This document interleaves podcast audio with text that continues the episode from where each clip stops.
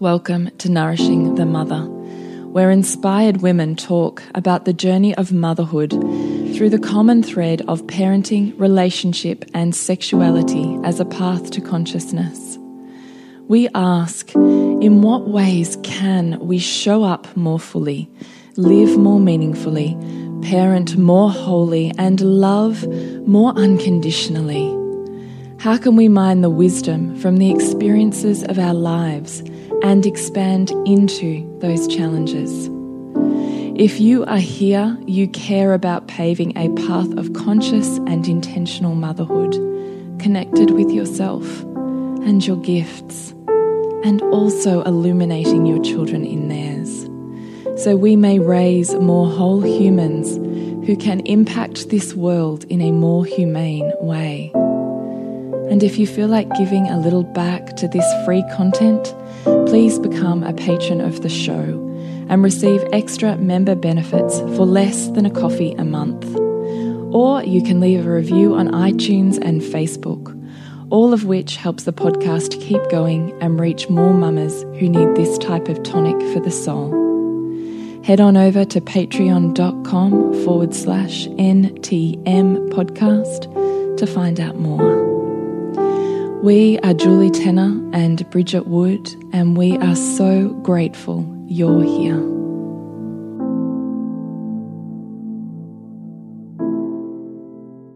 Hello, and welcome to Nourishing the Mother. I'm Bridget Wood. And I'm Julie Tenner. And today's podcast is Love in the Time of Corona. So we're all back in lockdown if you are in Victoria, Australia. So there's noise at my house. So please be aware that there is background family goings ons, ons. we record today, and I really appreciate your patience as we navigate what it is to do life, business, and love in lockdown. Mm. So today we really want to be able to talk to you about the constraint and perhaps what it provides, the invitation that it offers to love better, polarity, neutrality, and perhaps a few other gems along the way as we always tend to tangent off in different directions. Before we jump into that conversation, I'd love to remind you to jump onto nourishingthemother.com.au, scroll on down to the red banner, drop in your email address, and once every so often, we keep you up to date with what is happening in our world, what you can jump in for to really nourish and love your world better and with more consciousness mm -hmm. so it can love you better in return. So nourishingthemother.com.au. And we thought this would be a really relevant topic for wherever you find yourself, even if you're not in lockdown like us, because as as Jules commented, like this is going to be our year. It's likely going to be in and out of versions of um, lockdown, and and so how do we move with that? How do we notice how the edges and trickiness of that shows up in our relationships, and how do we be with it and love into it as opposed to um, resist it. And I hope that that's where this episode takes us. Yeah, I hope so too. So let's maybe just begin with relationship summaries, perhaps for both of us. How mm-hmm. has mm. the lockdown experience influenced or not influenced your relationship? I think it's been really good for us um, in the sense that it has helped us find our resilience and find our togetherness and find also where our edges are as well and how to notice where we might habitually move around them and instead go into them. I think certainly having still creating reverence for the relationship even throughout being around each other 24 7 was it was and is really important. So that looks like you know having a regular date night, even if we can't go anywhere, so that it's saying we're using this time to choose each other and to move into each other in even more depth than what being around each other offers. Right. So this is mm. well, this will lead to the conversation that we have, I guess, on on moving past the neutrality that we get through the sameness of being around someone 24 7 to create polarity. Mm.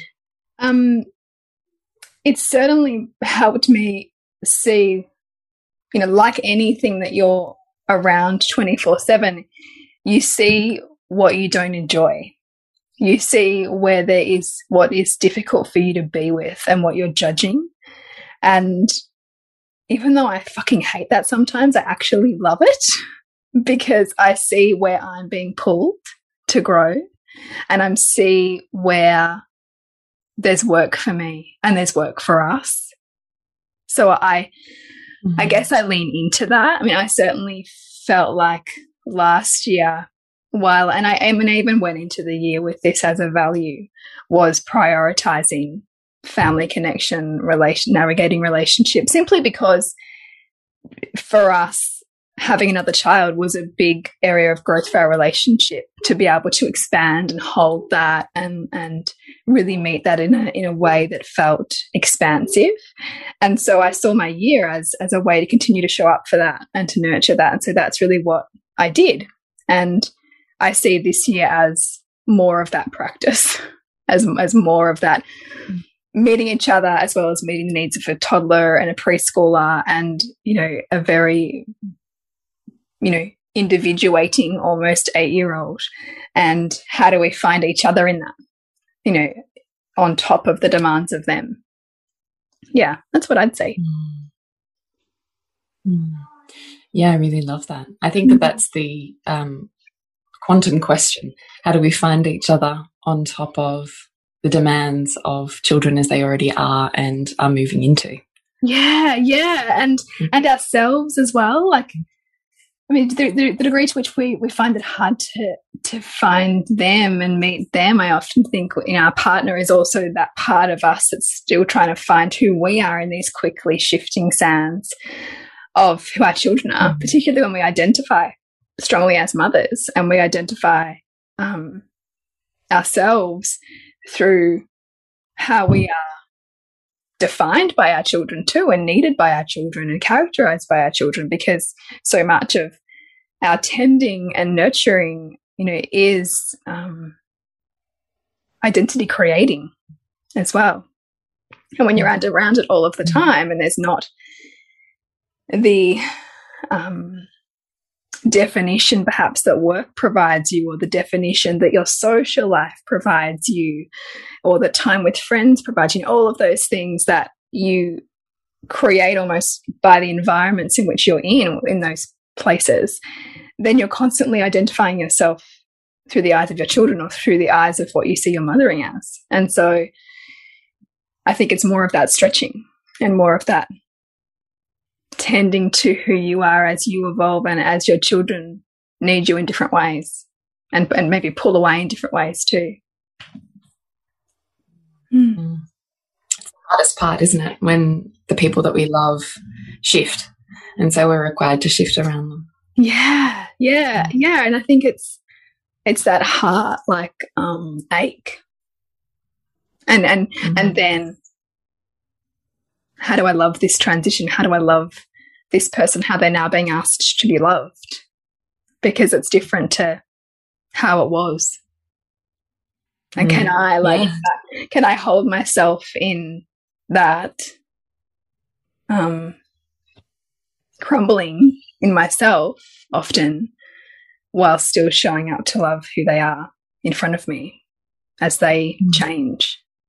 I mean that that's I mean that's this is this is loving without any um, attachment to what it has to look like in return. You know, like to be with the the constant maneuvering of what that love needs. Mm. Yeah, we're loved better when we love better. Yeah, yeah. What would you and say?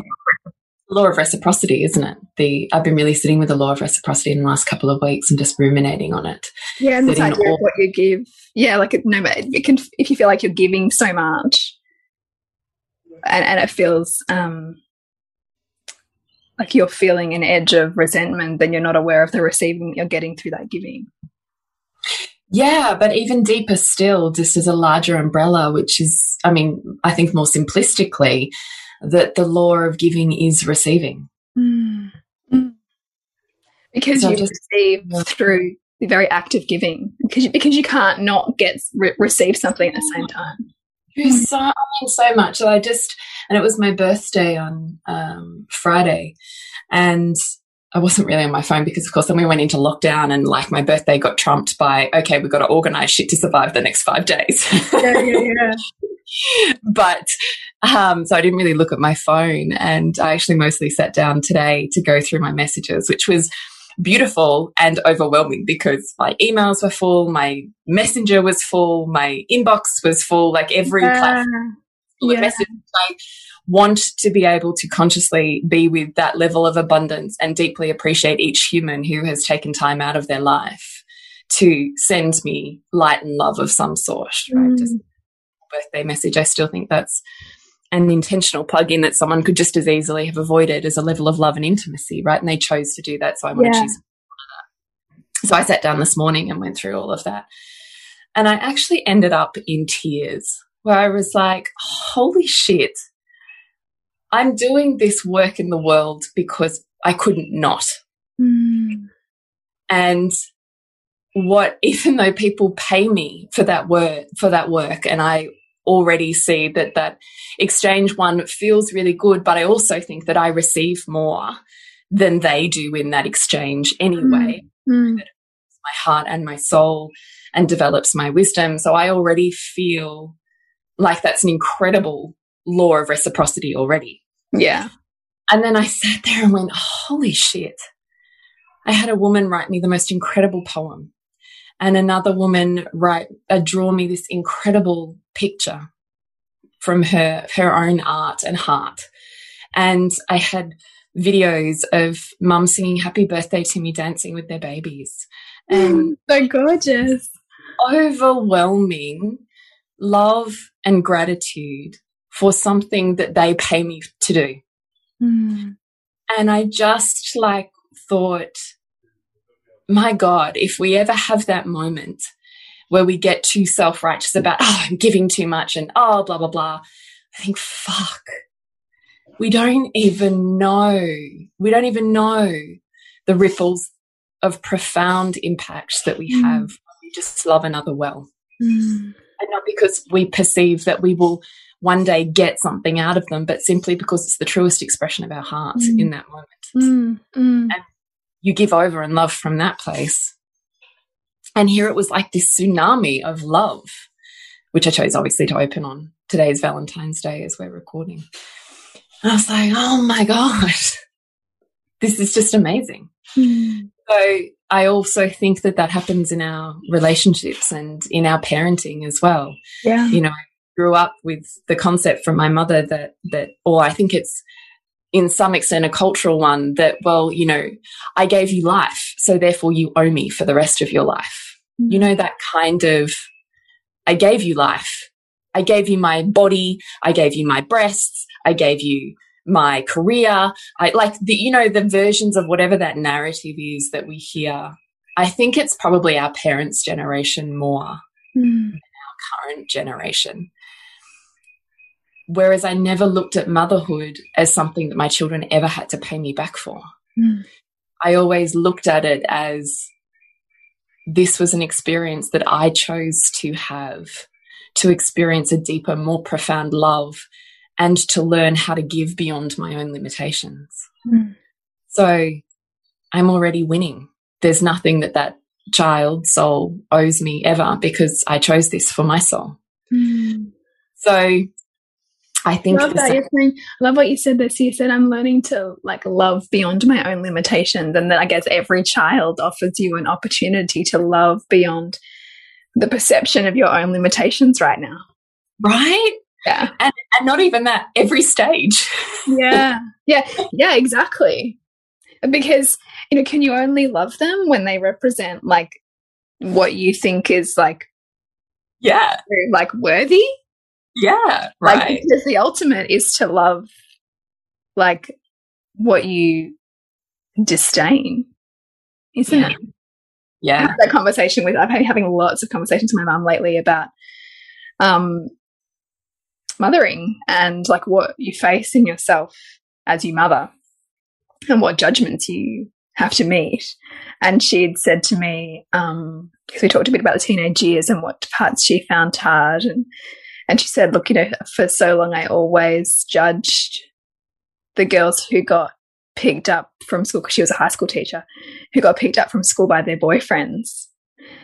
And then mm. you had one like that. You know, you you you had the boyfriend like that and that was you. And that what that was like for her to to continue to show up and love me at the same time as kind of clutching on for dear life to the struggle of that for her. You know, to see her daughter, her teenage daughter, partner with someone who she would see as very undesirable and but still love me in that enough and like love him in some way because I'd chosen that.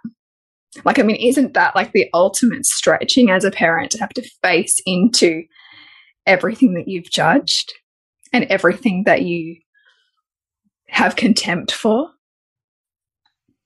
Like, yeah, 100%. Like, it just like blows my mind and heart.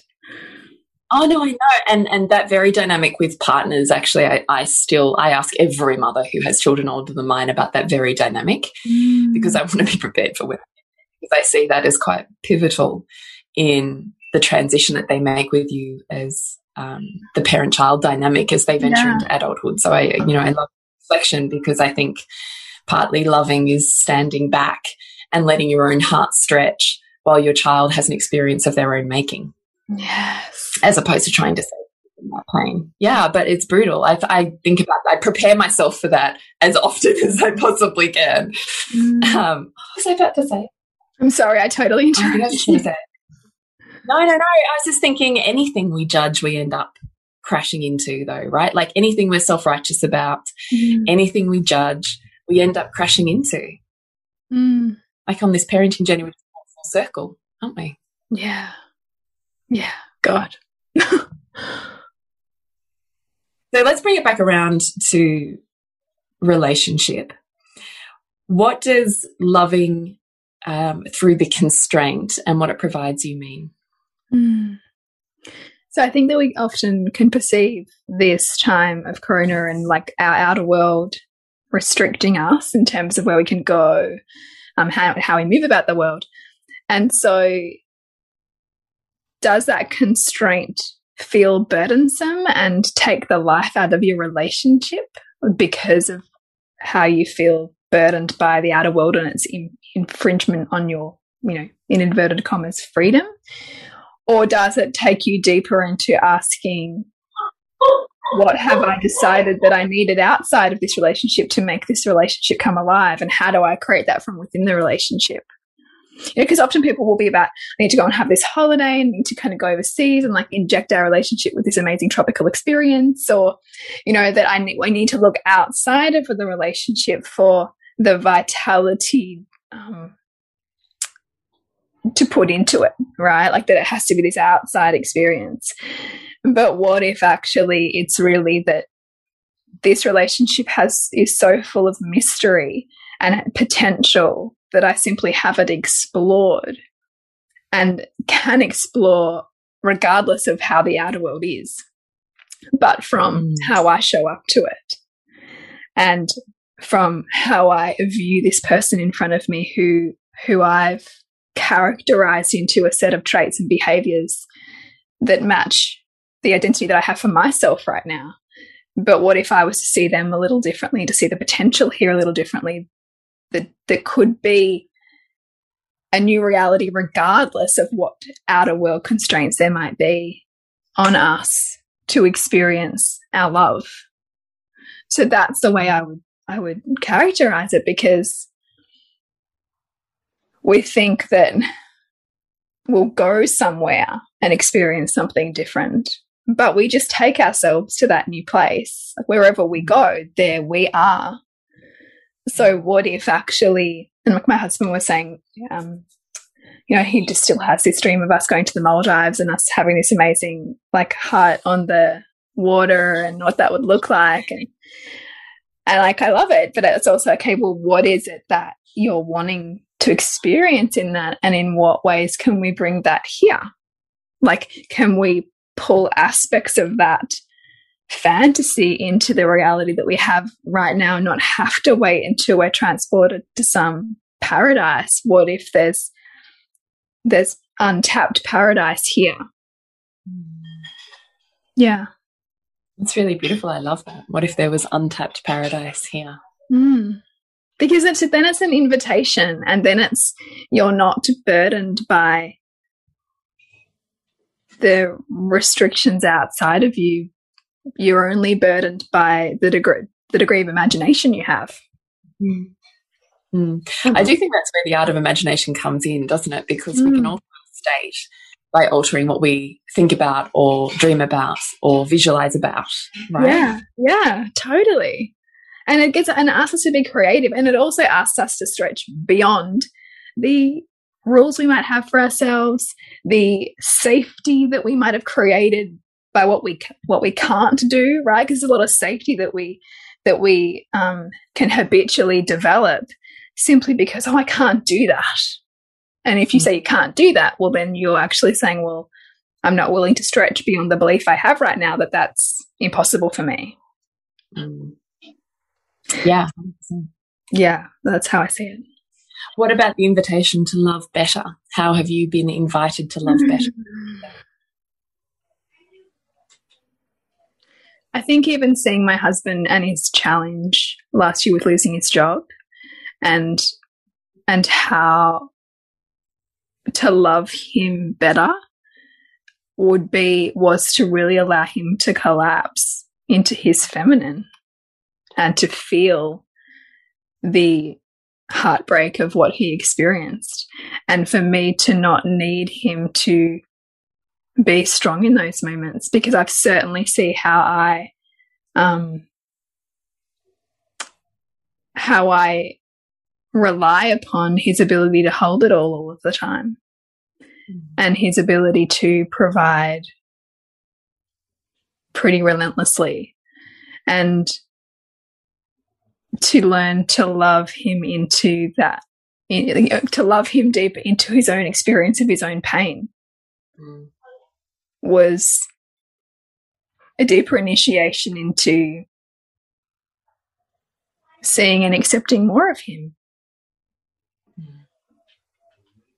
because if he sensed that somehow that wasn't safe to collapse into or safe to experience, then he likely would have tried to shove, like, cover it up or, or not feel it because he had this role he'd defined himself by and needed to be in order to be loved by me and by us.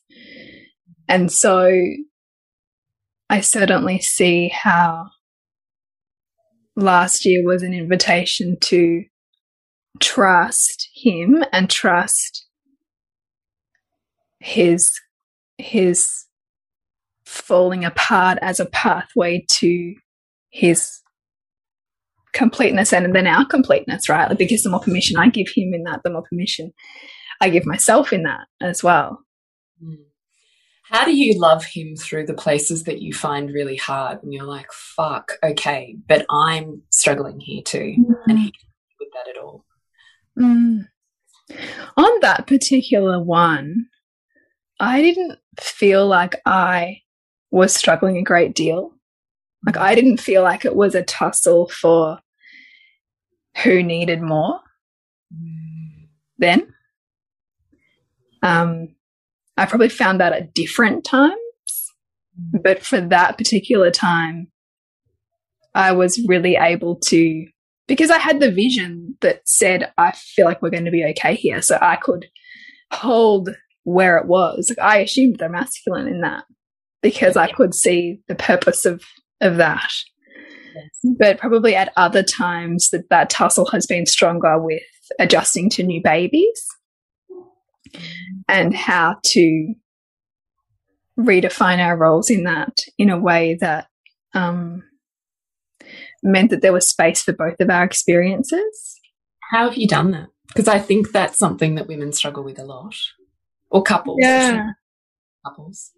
Yeah, I think it would have been strongest with Pearl that experience, where he and I mean there was experience for both of us to really understand his feminine wounding, which was just to not ask to have his needs met and just push them away.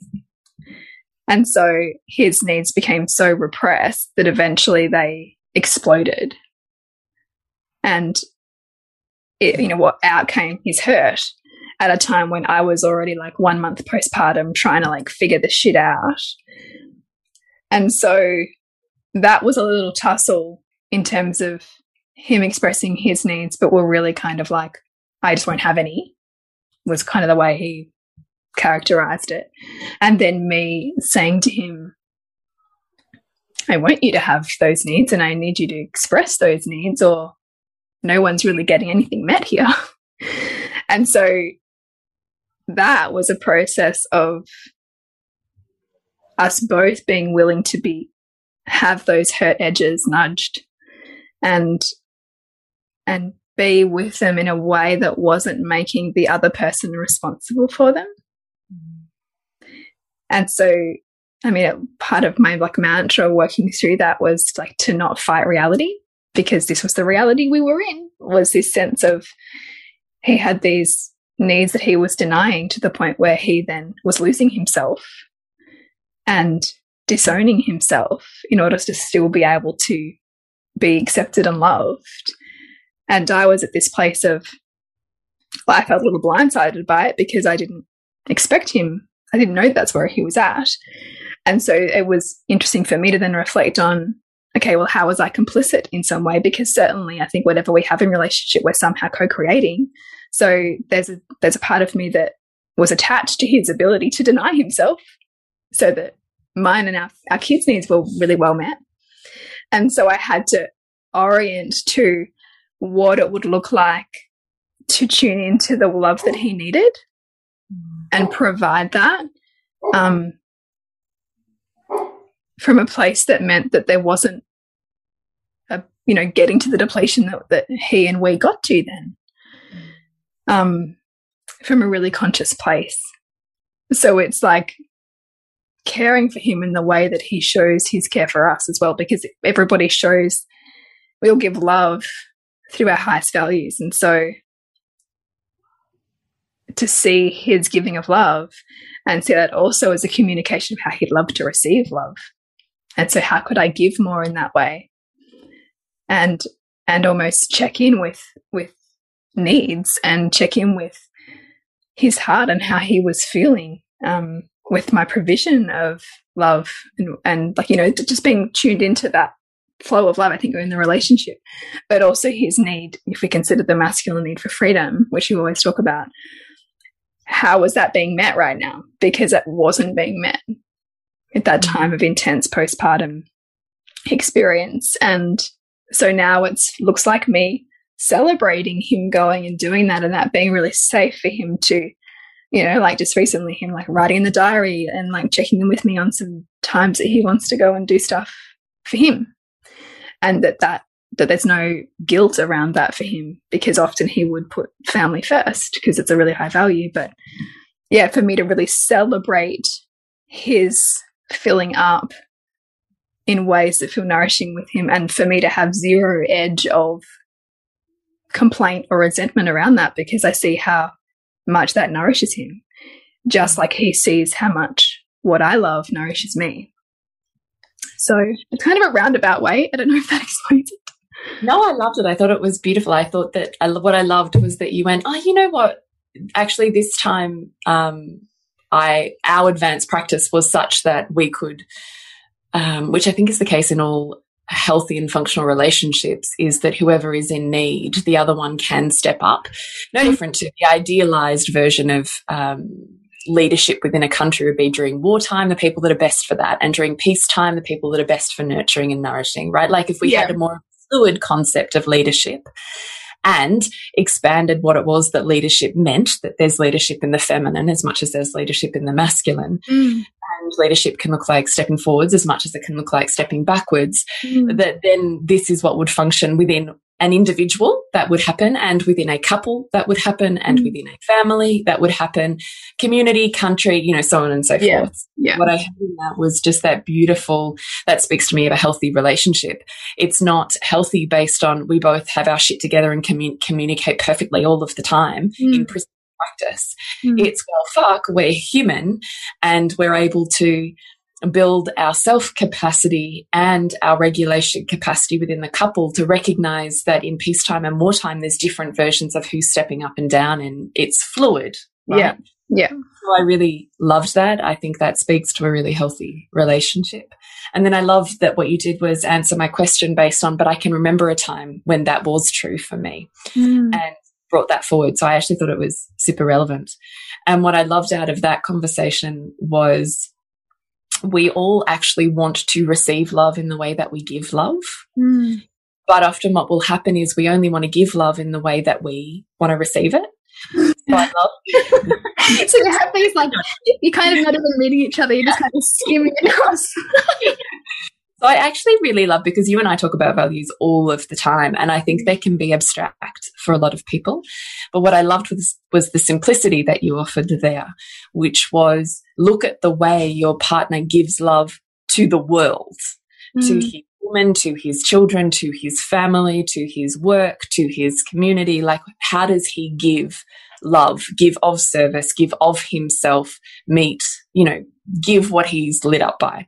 And you can go that and go, oh, okay, that's the form that would feel most nourishing and that you would have the greatest awareness for if I gave you those things. So I'm going to learn how to give you those things because they're not innate in me because it's not my values and nor yeah. should but I can choose to see you with more clarity, not go, well, you should see my values and you should appreciate the way that my values present.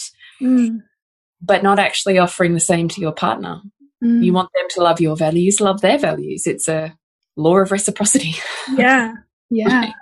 so I really actually just loved that is we are loved better when we love better. Mm. And part of loving better is giving what that other human needs or that the moment needs in order to meet the other human in their woundedness, which is mm. just a repeat of their childhood, right? Mm. Rather than what you want in the moment. Yeah. And to be vulnerable enough to sit with where you miss the mark as well. and be with their feedback and, and be able to hold that feedback because that's a real practice is to be able to go, oh, like the, the kind of irritation that I'm sensing is because there's a there's a perception of, of I'm not meeting you. And can I like be with that without getting defensive?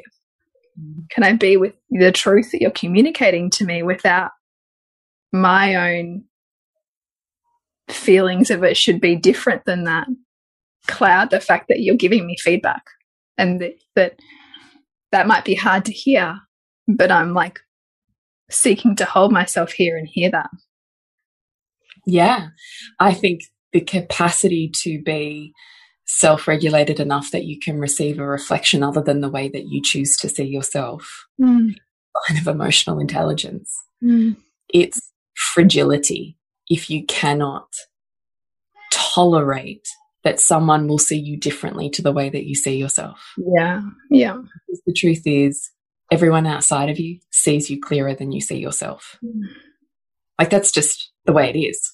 Which kind of feels like a little bit like, you know, the emperor the emperor's kind of got no clothes. Like, you know, like this idea of like who you think you are and like how the world actually sees you. Like, if, if, you, sit, if you sit with it too long, it's deeply it uncomfortable. You out. Yeah, I know. I know. I sit with it. I, I do this all the time. I go as far as I can. I go, whew, it's enough down that tunnel. Off we go. Back, yeah. back. Back in my illusion for a while. Yeah, yeah, yeah. yeah. I did this with my daughter around the dinner table the other night. She um, was really not liking um, my feedback.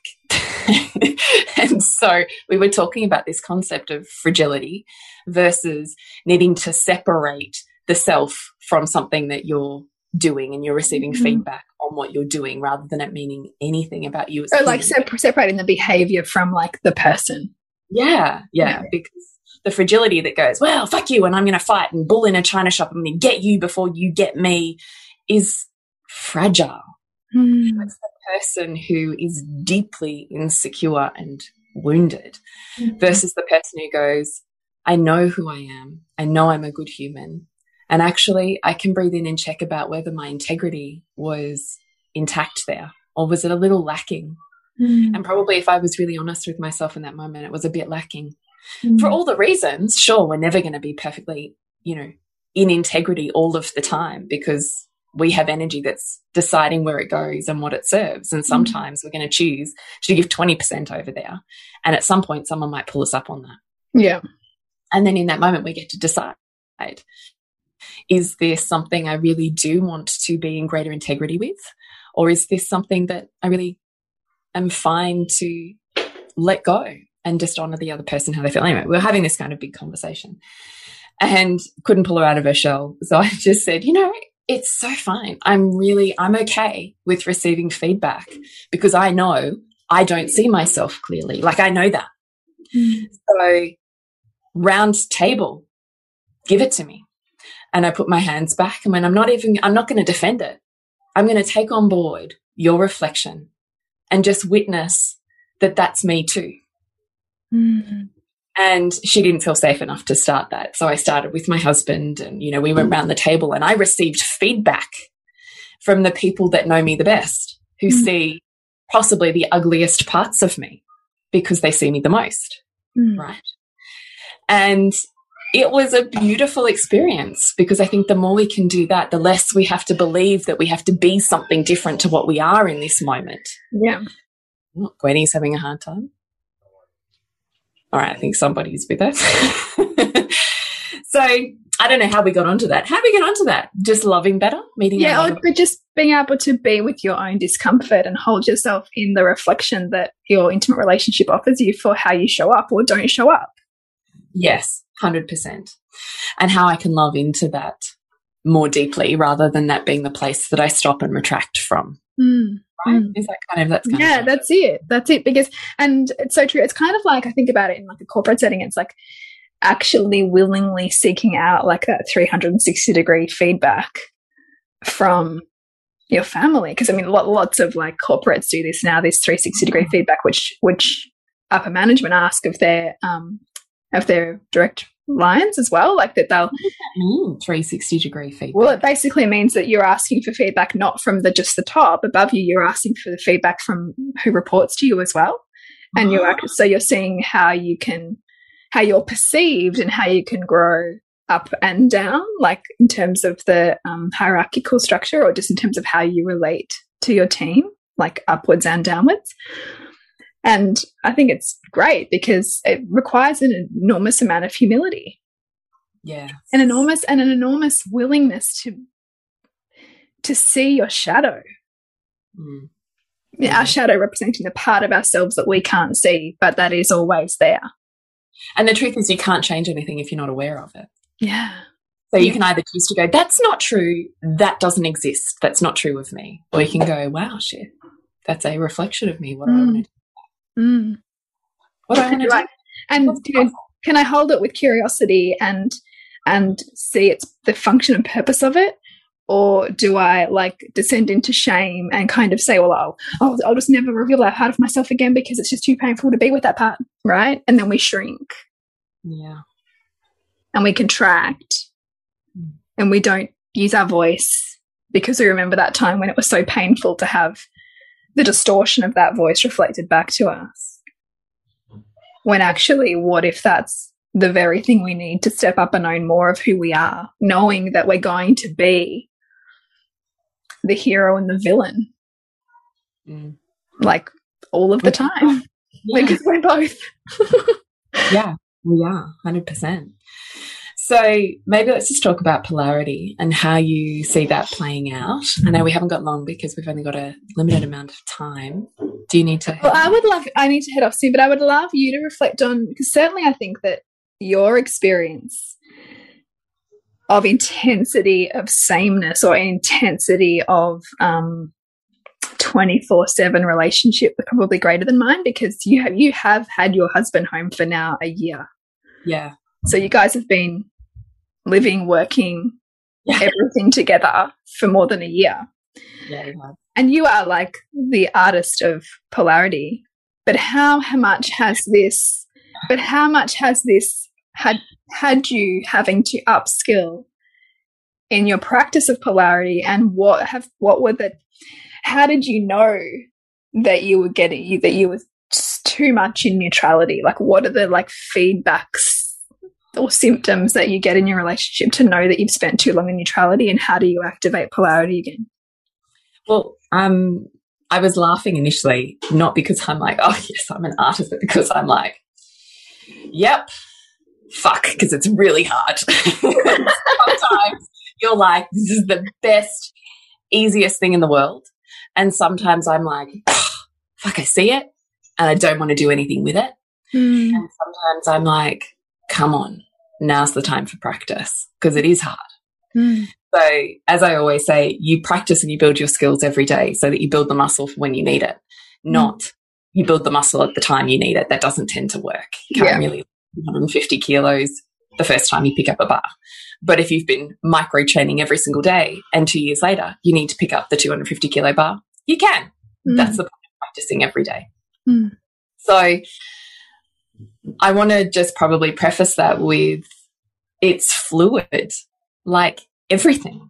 Mm. And sometimes and polarity neutrality is going to be the best thing that's ever happened to you mm. because you love it. Like you're genuinely lit up by it. It's the best thing. I'm literally sitting here with my best friend and it could not be any sweeter. Mm. Amazing. It's only a problem if you start to hate that. Mm. And you start to get needy and resentful and pissed off about the fact that he's not into you or you're not into him or her or you're not you're or you're bored or you like just feel same. Yeah, or you're just feeling like a blobby and blur, like the grey.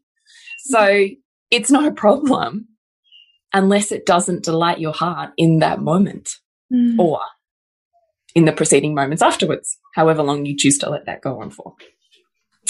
So I'm always witnessing my own self talk. And because relationship and sexuality are hugely, they're really high values for me. I'm always running. There's always, I always feel like I've got an eye on them. There's always a check, checks and balances, an eye that's watching that going. That's interesting. Do you want to do something with that? So I don't think that part of my brain stops. Mm. But whether I choose to do something with it or not is my humanness. Mm. So sometimes I'm too sluggy and gluggy in the 24 7 pit of ISO and COVID and work and juggle and kids and a, a house that's messy an hour after you've cleaned it and, you know, the sludge of everyday humanness where you're like, Ugh, today it can swallow me like a swamp because I can't get out of it. I love that. And so I just actually hide in my bedroom on those days and go, that's fine. All of that can exist out there. Mm. And I'm going to be here if anybody needs me. I'm in my own cocoon. I am diluting and digesting whatever this is for me right now. And I'll come out of this when I'm ready. So that's generally how I roll. Um, when I recognize that we're getting into a pattern of Netflix or let's watch a movie because I'm tired and that's easier, that's usually an alarm bell for me. Because when I'm picking the easier path, it's rarely because that's what lights me up. Mm. It's because I've gotten lazy. Mm. And we tend to get pretty lazy in relationship and how we love someone who's never who's not leaving us. mm. Very yeah. different to the way that we used to court or show up for someone who we weren't totally sure if they were staying or not. Mm. So I think there's a certain neglect that comes with the surety of long term, particularly monogamous relationship. Mm. So when I notice that laziness creeping in, I usually make myself do something with that. And it can be that I simply go and get changed in that moment, or put on different underwear, or I say to my husband, okay, we need time tonight. You know, we need to be together, or I let him in on the desire of how I want to feel so that I'm instantly and then doing my own feminine practices to really make sure that I'm pulsing and pumping my body with feminine energy because that practice pays off by the time I end up having intimate time with my partner. where that gets really murky and foggy for us, particularly here, is because he's still working a sort of nine to five sort of job. And my job is pretty much every hour outside of that. So that's really hard. So I'm usually working, I get up and meditate now at six. I'm usually working by 7.30 and then I do the handover with him at like 8.30, 9 o'clock. And then he works. I work in his lunch break. He finishes work and I'm working at dinner time or after dinner time. So that's where it's gotten really hard for us is we see each other all the time, but we don't spend any time, quality time together mm unless we're hugely conscious of the fact that we see that. So what are we going to do about that? Mm.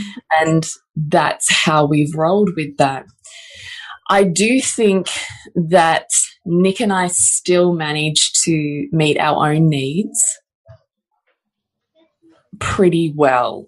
I recognize that we both need set different things.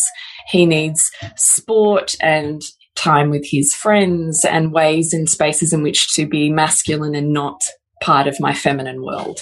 Mm. And I need places and spaces to be with the girlfriends and talk and natter and chat and not have to limit my words and my mind and my heart and all of the things. So if polarity is becoming neutral and you're two the same, you must spend more time separate from each other. There must be a space in the house. There must be an altar you can turn up to or exercise or capacity outside of the home, which I realize is harder in lockdown, but still entirely possible, where those people still meet their individuation needs so that when they come together, there's a sense of, oh, I've missed you rather than, oh, here we are and you're still here. Oh, you again. Yeah. granted because you yeah. just So I don't know if that answers your question. So yes, I have a strong muscle for polarity interrupt and exchange, but I'm also really human mm and I still hit all of my edges and all of his. And in fact, I had a conversation with him because today's Valentine's Day, and that is always a trigger for me. And I still have not got to the bottom of what that trigger is. So I, what's, what's, what's the trigger? Like, what is it? I think it's my hypermasculinization and my um, sh subsequent shaming of how much I craved and wanted love and romance mm. because that was so uncool back in the 90s. Like, you just mm-hmm. weren't like that. You were pathetic. Mm. And so I think I justified the Aussie bloke. That's probably why I actually, up until Nick, never dated an Aussie, which I still find ironic. Because the European men are the most romantic. Like, it's like next level. I fucking love that shit. Mm. And then I ended up with an Aussie who really fucking hates that shit. Yeah. Which, of course, is perfect, right? But, and he's up leveled his game in lots of places, but it continues to be a thing I have to massage because for him, he meets insecurity. And for me, I meet ravenous need that it's yeah. never. You know, like, but, but like, and then your neediness actually like makes him not want to provide, not want to provide the thing as well. Yeah. So I was talking about this this morning, and even I noticed myself then getting snappy at him and finding ways to just like whip him, you know, like that, like there we go. I'm feeling a little bit better because I've let a little bit of that out, but it's not remotely conscious. Yeah. And I was like, I can totally see I'm doing this again. Um, and I'd said something and I knew it was going to piss him off. It pissed him off.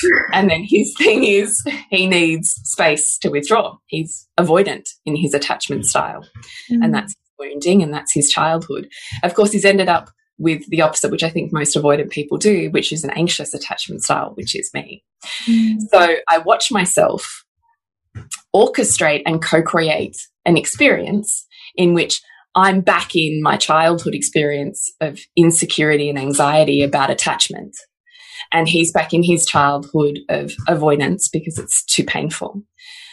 And yet, as I'm creating the person who moves, who's my mother, who moves further away from me, I then instantaneously want to go running after them mm. because that's mm. the anxiousness, right? Think about your kids that are clingy and whiny. Yeah. they're only clingy and whiny because they know they're not safe with, like, are you coming back? I don't even know. Yeah. Yeah. was literally having this conversation with him today. I was like, wow, fuck, I'm really. And he was too pissed off to regulate me. And so what I needed to do was own that. So I stood there in that moment, really letting my heart feel that anxiety. And I said to him, I can see this. I can see and honor the fact that you need time away and time to process. And you deserve to have that because that's how you process best. And then mm-hmm. you come back to me and I see that and I know that and I witness that and you deserve that. But I need you to know this is really hard for me. Mm. This avoidance, disappearing, needing that space is really hard for someone who has an anxious attachment type like mine and it mm. hurts my heart. I get it. I want it for you. I just need you to know it hurts. Mm. And he was, even though he's pissed off, I watched him soften a little bit and go, Yeah, I see that. He didn't try to fix it. I didn't ask him to. I went and was with my own tender heart. Mm. But just being able to say, I see this and I just need you to see it. He was like, okay. Mm. And then consequently, that's then opened up different experiences here um, for the rest of the day. So I don't know how I got onto that, but I think it's worth acknowledging that there's always going to be that pursuer, distancer, anxious, avoidant. They're polarities. They're just different versions of wounding. We ultimately are just really, really sadistically attracted to our own childhood wounds. And also to really notice them and not make them wrong because I we have the same dynamic and my uh, then plunges me into an abandonment wound and which is incredibly uncomfortable to be in. And I mean, I don't do it as much now, but I used to like, you know, make it mean all of these things, you know, like just, which you then like can lose yourself completely in. And so I love that you've just brought that up and made it safe as a as an aspect of relationship even long term healthy juicy relationship that that stuff still shows up Ah, because your soul's trying to have a human experience, and some voids are so big they're never going to be healed in the yeah. in totality, right? There's part of us that needs them in order to do be the things that our soul needs us to be in this lifetime, right? I mean, yeah. that's the values riff. Exactly. So I think I just want to say, yes, I think a relationship in um, times of lockdown and certainly in Corona, you have to have individual space and time, totally yeah. from each other, not in each other's pockets. That is an absolute, has to be created for both of you really consciously every single week. You must, must, must spend time without each other mm. to balance the resentment you're feeling being together. You must. Yeah. So that is an absolute healthcare, I think, for relationship in Corona. You must recognize your habituated lazy patterns and take responsibility for them. An action plan, how you are going to move beyond your own collapse and limitations that continues to cycle the sludge you're in mm -hmm. rather than getting and being constructive and moving out of them. And to look at how you can be a better lover so that you are loved better in return. So looking at mm. how they give love, seeing how you can be of service to gift that love language to them so that they witness and see the appreciation and that you open up conversations knowing you will always hit each other's wounds, always. Mm -hmm. So the question is not, will we? It's we will. What are we going to do when we get there? Mm -hmm. And I think that's how you get through Corona. Is there anything you want to add to that? No, I think it's beautiful. I think that we've covered heaps here. Beautiful. Thank you. So to connect with you, Jules? Is julietenner.love and Newbridge. Suburbansandcastles.com. Remember to nourish the woman to rock the family. And we'll see you next week when we continue to peel back the layers on your mothering journey.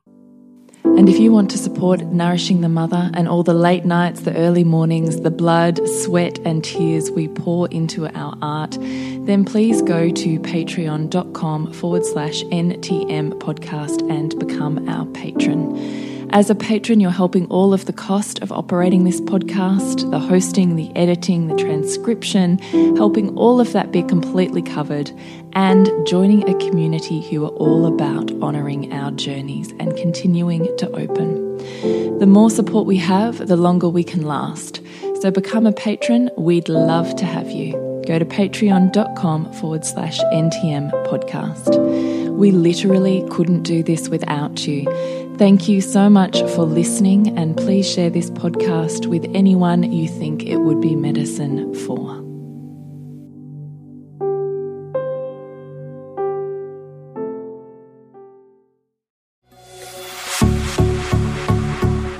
This has been a production of TheWellnessCouch.com. Check us out on Facebook and join in the conversation on Facebook.com forward slash The Wellness Couch. Subscribe to each show on iTunes and check us out on Twitter. The Wellness Couch, streaming wellness into your lives. Whilst the Wellness Couch presenter endeavor to provide accurate and helpful information to their listeners, these podcasts cannot take into account individual circumstances and are not intended to be a substitute for health and medical advice from a qualified health professional. You should always seek the advice of a qualified health professional before acting on any of the information provided by any of the Wellness Couch podcasts.